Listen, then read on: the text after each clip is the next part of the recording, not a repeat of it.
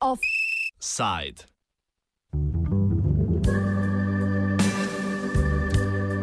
Težave s štetjem.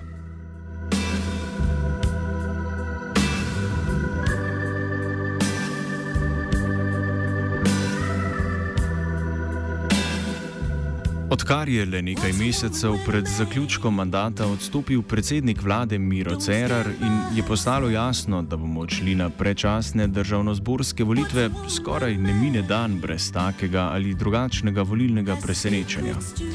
Presenečajo zanimive koalicijske povezave, medstrankarski prestopi, dvomljive medstrankarske podpore kandidatnih list in število novih strank, ki želijo na volitvah 3. junija prevzeti vodenje države.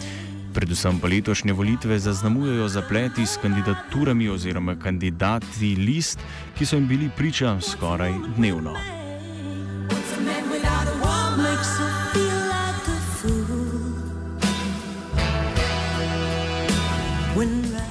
Stranke so imele predvsem težave s spoštovanjem volilnih kvot, pojavile so se tudi liste z mrtvimi kandidati in kandidatko, ki je želela kandidirati na dveh listah. Liste so bile zaradi nespoštovanja volilnih določil o kvotah v nekaterih volilnih enotah v celoti zavrnjene, kar je spodbudilo razpravo o kršenju pasivne volilne pravice ostalih kandidatov in aktivne volilne pravice državljanov, ki bi listo želeli podpirati. Težave z ulaganjem list so imele zlasti manjše in novo nastale stranke. Izpostavile so problem kratkih rokov za vlaganje kandidatur in bile kritične do državne volilne komisije.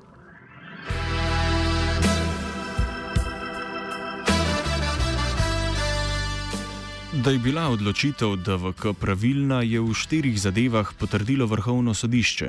Dve stranki sta se pritožili tudi na ustavno sodišče, ki je enjo oziroma o eni pritožbi že odločilo in pritrdilo vrhovnemu sodišču in državni volivni komisiji.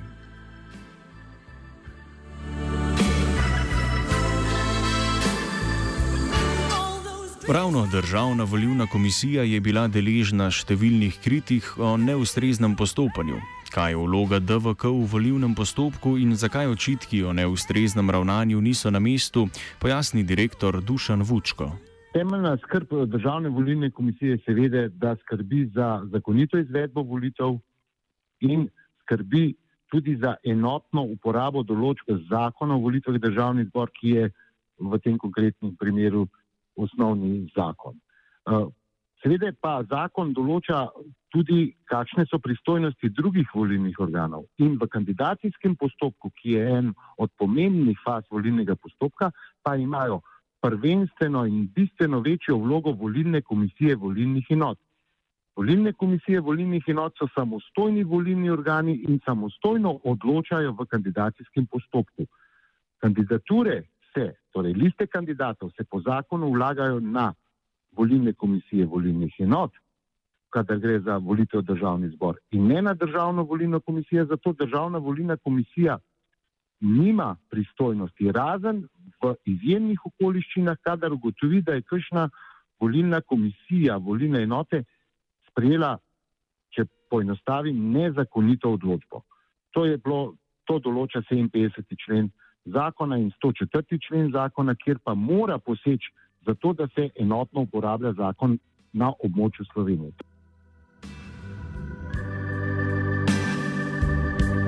Zavračanje kandidatnih list je v pristojnosti volivnih komisij posameznih volivnih enot. Zopr njihovo odločitev je možno sprožiti volivni spor, o katerem odloča vrhovno sodišče.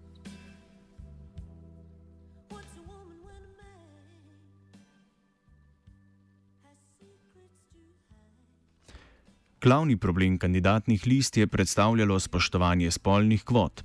Zakon določa, da mora biti na vsaki listi posamezen spol zastopan vsaj v 35 odstotkih. Zakonsko ureditev pojasni Juri Toplak z Mariborske pravne fakultete. V vsaki volilni enoti, volilnih enot je 8 in vsaki 11 okrajev, se pravi skupaj 88 okrajev. V zakonu piše, da v vsaki volilni enoti mora biti uh, med kandidati in kandidatkami vsak spol zastopan po najmanj 35 odstotkih od dejanskih kandidatov. To pomeni, če je 11 kandidatov, morajo biti najmanj 4 od vsakega spola. Če jih je pa manj kot 11, ker lahko jih je manj, ker lahko vsak kandidat kandidira v enem ali pa dveh okrajih, potem pa pač toliko manj. V glavnem 35% mora biti vsakega spola od dejanskega števila kandidatov.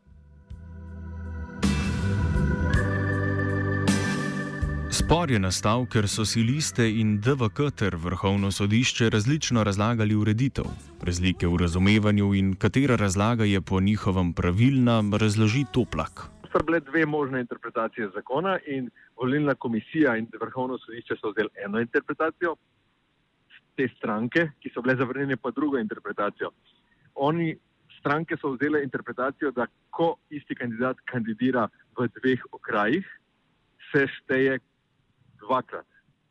Uh, volilne komisije pa so vzele, da se v tem primeru šteje samo enkrat, ker gre za eno osebo. Ne? Eni so šteli okraje, drugi so šteli osebe. In uh, če beremo zakon uh, tako, kot piše, potem je pravilna interpretacija ta, ki jo je vzela volilna komisija in tudi vrhovno sodišče.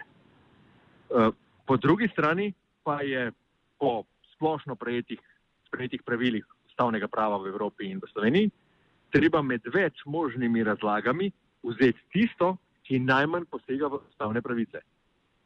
In katera od teh razlag najmanj posega v pravico voliti in biti voljen? Tista, da se lista zavrne, ali tista, da se lista da v popravek, ali pa da li, tretja, da lista ostane. Ne, po mojem, eh, tista, da se lista zavrne, preveč posega v pravico biti voljen in pravico voliti ampak o tem, uh, katera je prava razlaga, bo pa odločilo ustavno sodišče, po mojem, ta četrtek. Kako pa zavrnitve list zaradi nespoštovanja kvot vidijo stranke, ki so jim liste zavrnili? Franz Kangler iz Združene desnice.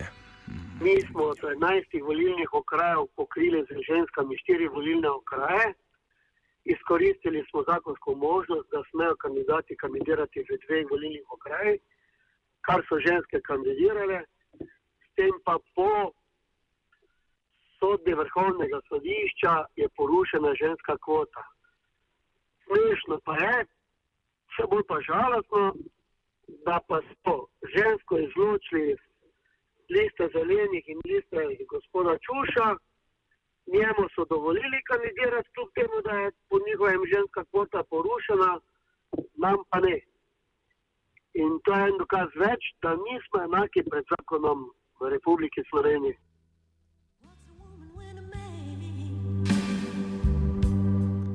Združena levica, demokratična stranka dela, se je spopadla z ravno obratnim problemom, saj je imela na listi preveč ženskih kandidatk, več Franc Žnidršič.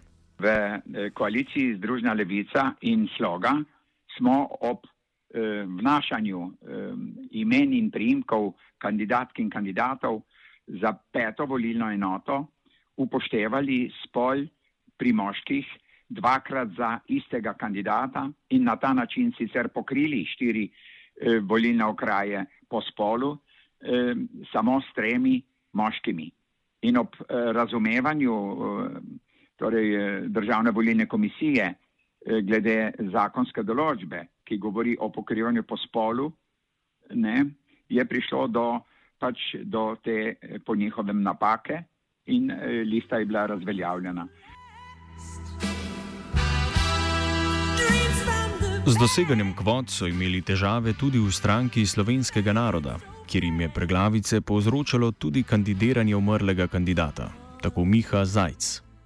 V tej spiski časovni so se nam pač naredile take napake, da smo pomotoma kandidirali eno žensko v dveh volilnih enotah, pa uh, imeli smo soglasje od kandidata, ki je med tem umrl. In smo ga klicali, ni se nam javil in ga nismo hoteli na listo vrstiti, a nam je pač nekdo nam je, nam je prinesel to, ta njegov soglasje in smo pač na, na podlagi soglasja smo spisali volilno dokumentacijo.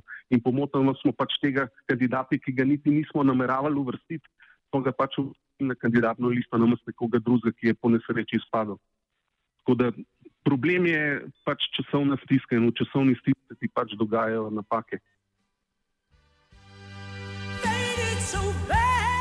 Državna volilna komisija je želela zaplete preprečiti že pred ulaganjem. Zato je pripravila tabelo, ki jasno pokaže, koliko kandidatov vsakega spola mora stranka predlagati, da bo zadostila zakonskim zahtevam.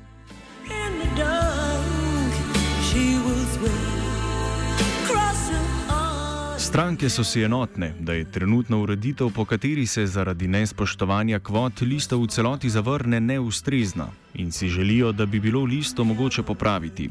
Pritrjuje jim Toplak, ki svoje stališče utemeli s primerjalnim predlogom ureditev ostalih evropskih držav. Saj je.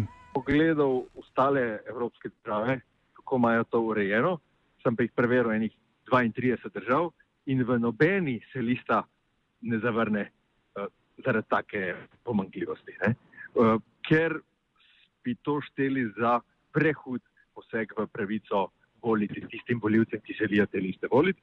Uh, list države, kjer se lista zavrne, so recimo Slovenija, jasno, in recimo Belgija. Ampak, ko sem poklical na Belgijsko volilno komisijo, so rekli, da oni res zavrnejo, ampak lahko vedno stranka potem še v naslednjih par dneh predloži popravljeno listo. Tako da je Slovenija edina država, ki tako stroge sankcije za nespoštovanje liste uh, upravlja. Kot problematično v strankah izpostavljajo tudi trenutno ureditev, ki za vlaganje list predvideva kratke roke, tako majc. Težave so nastale predvsem zaradi izredno kratkega časa za volilne upravila. Enostavno vse majhne stranke ne morejo v desetih dnevih uh, pač evidentirati kandidate, izvesti volilne konference, pa spisati goro volilne dokumentacije, ki jo treba na volilne enote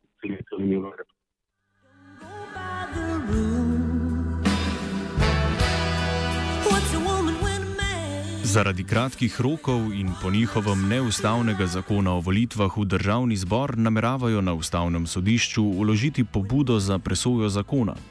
V prizadetih strankah ne izključujejo niti možnosti pritožbe na Evropsko sodišče za človekove pravice.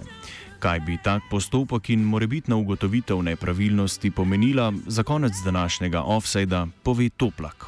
In če bo recimo to ugotovilo Evropsko sodišče po dveh, treh, štirih letih, eh, bodo seveda rezultati ostali, volitve se ne bodo ponavljale, bo pa pač en madež bo pa en madež ostal na TV volitvami. Uh, če pa bo ustavno sodišče že ugotovilo to kršitev, recimo zdaj v uh, četrtek, uh, pa, bo, pa se bojo glasovnice pač popravile in bomo imeli na, na volitvah že popravljene glasovnice. Offside je pripravila Pija. Oh.